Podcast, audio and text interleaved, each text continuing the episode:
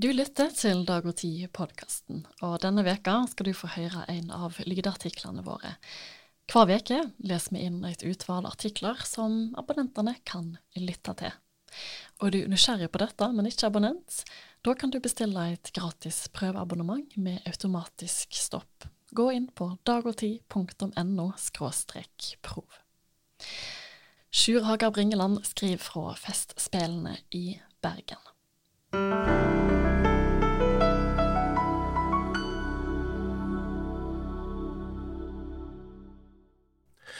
Sjeldne toner. Festspillene løfter fram Anne Marie Ørbecks skifterike verk.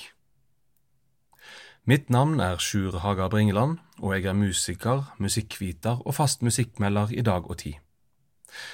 Det er festspilltid i Bergen, og i det høvet har jeg vært i Håkonshallen for å høre konserten Portrett av Anne Marie Ørbekk, tirsdag 30. mai. Anne Marie Ørbekk, 1911–1996, er årets festspillkomponist, sjøl om hun er død. Noen biografiske merknader trengs. Hun vokste opp i en musikalsk familie i Oslo, studerte klaver og komposisjon der og i Berlin, og debuterte som solist med et imposant program i universitetets aula i 1933. Krigen satte en stopper for pianistvirksomheten. I 1940 flyttet hun til Bergen, der hun ble buende.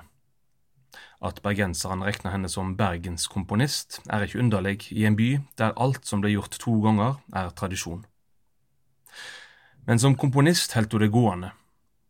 Symfonien, fullført i 1944, er den eneste symfonien skriven av ei kvinne i Norge. Han blir framført under Festspillenes avslutningskonsert i Grieghallen kommende onsdag, side om side med Griegs A-moll-konsert. Under portrettkonserten i Håkonshallen tirsdag fikk vi et riss av komponistgjerninga hennes, framført av Bergen Filharmoniske Orkester under Anna Maria Helsings presise taktstokk. Generelt kan Ørbecks tonespråk karakteriseres som melodiøst. Her er mye folkemusikkinspirert melodikk og tonalitet, krydra med fritonale vendinger og kompleks rytmikk i de snøgge satsene. Mest tradisjonelt let de tre første programpunkta. Orkesterstykket Melodi fra 1939, og orkestersongene Så rodde de fjordan og Villguri, urframført i 1963. Sangene, med tekst av høvesvis Aslaug Vaa og Tor Jonsson, ble framførte med varm og rund sopranrøyst av Annika Synnøve Beines. Som komposisjon er Villguri den klart sterkeste. Et dømme på Ørbecks etterkrigsstil er pastorale og allegro for fløyte og strykere, urframført i 1960, som er skrevet med fin dialog mellom solist og orkester. Andresatsen har ei aggressiv fløytestemme som ble energisk spilt av Ingrid Søfteland Neset. Jeg tykker forresten hun stundom kunne ha blåst enda sterkere, for slik å hevde seg bedre mot orkesteret.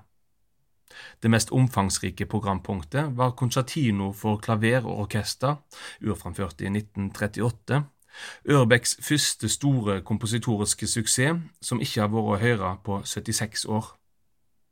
Dette rapsodiske verket, som stritter av skifterike musikalske ideer, er både interessant og minneverdig, men var krevjende å lytte til.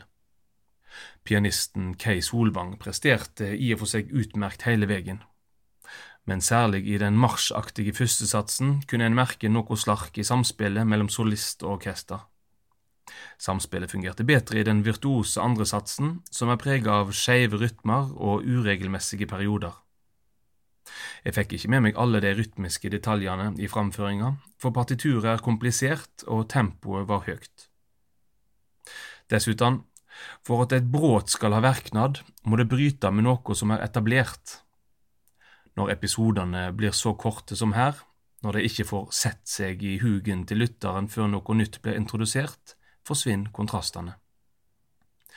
Den rolige tredjesatsen blir effektfullt innledd med cellosolo. Her syner Ørbekk seg som klangkunstner.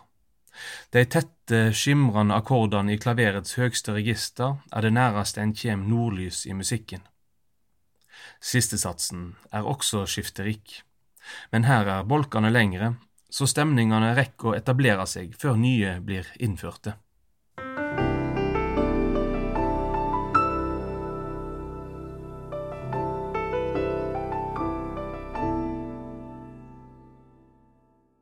Du fikk nå høre en av lydartiklene våre, og hvis du vil høre flere, eller bare er nysgjerrig på hva Dag og Tid skriver om, bestille et gratis prøveabonnement på dagogtid.no prov. Takk for at du lytta.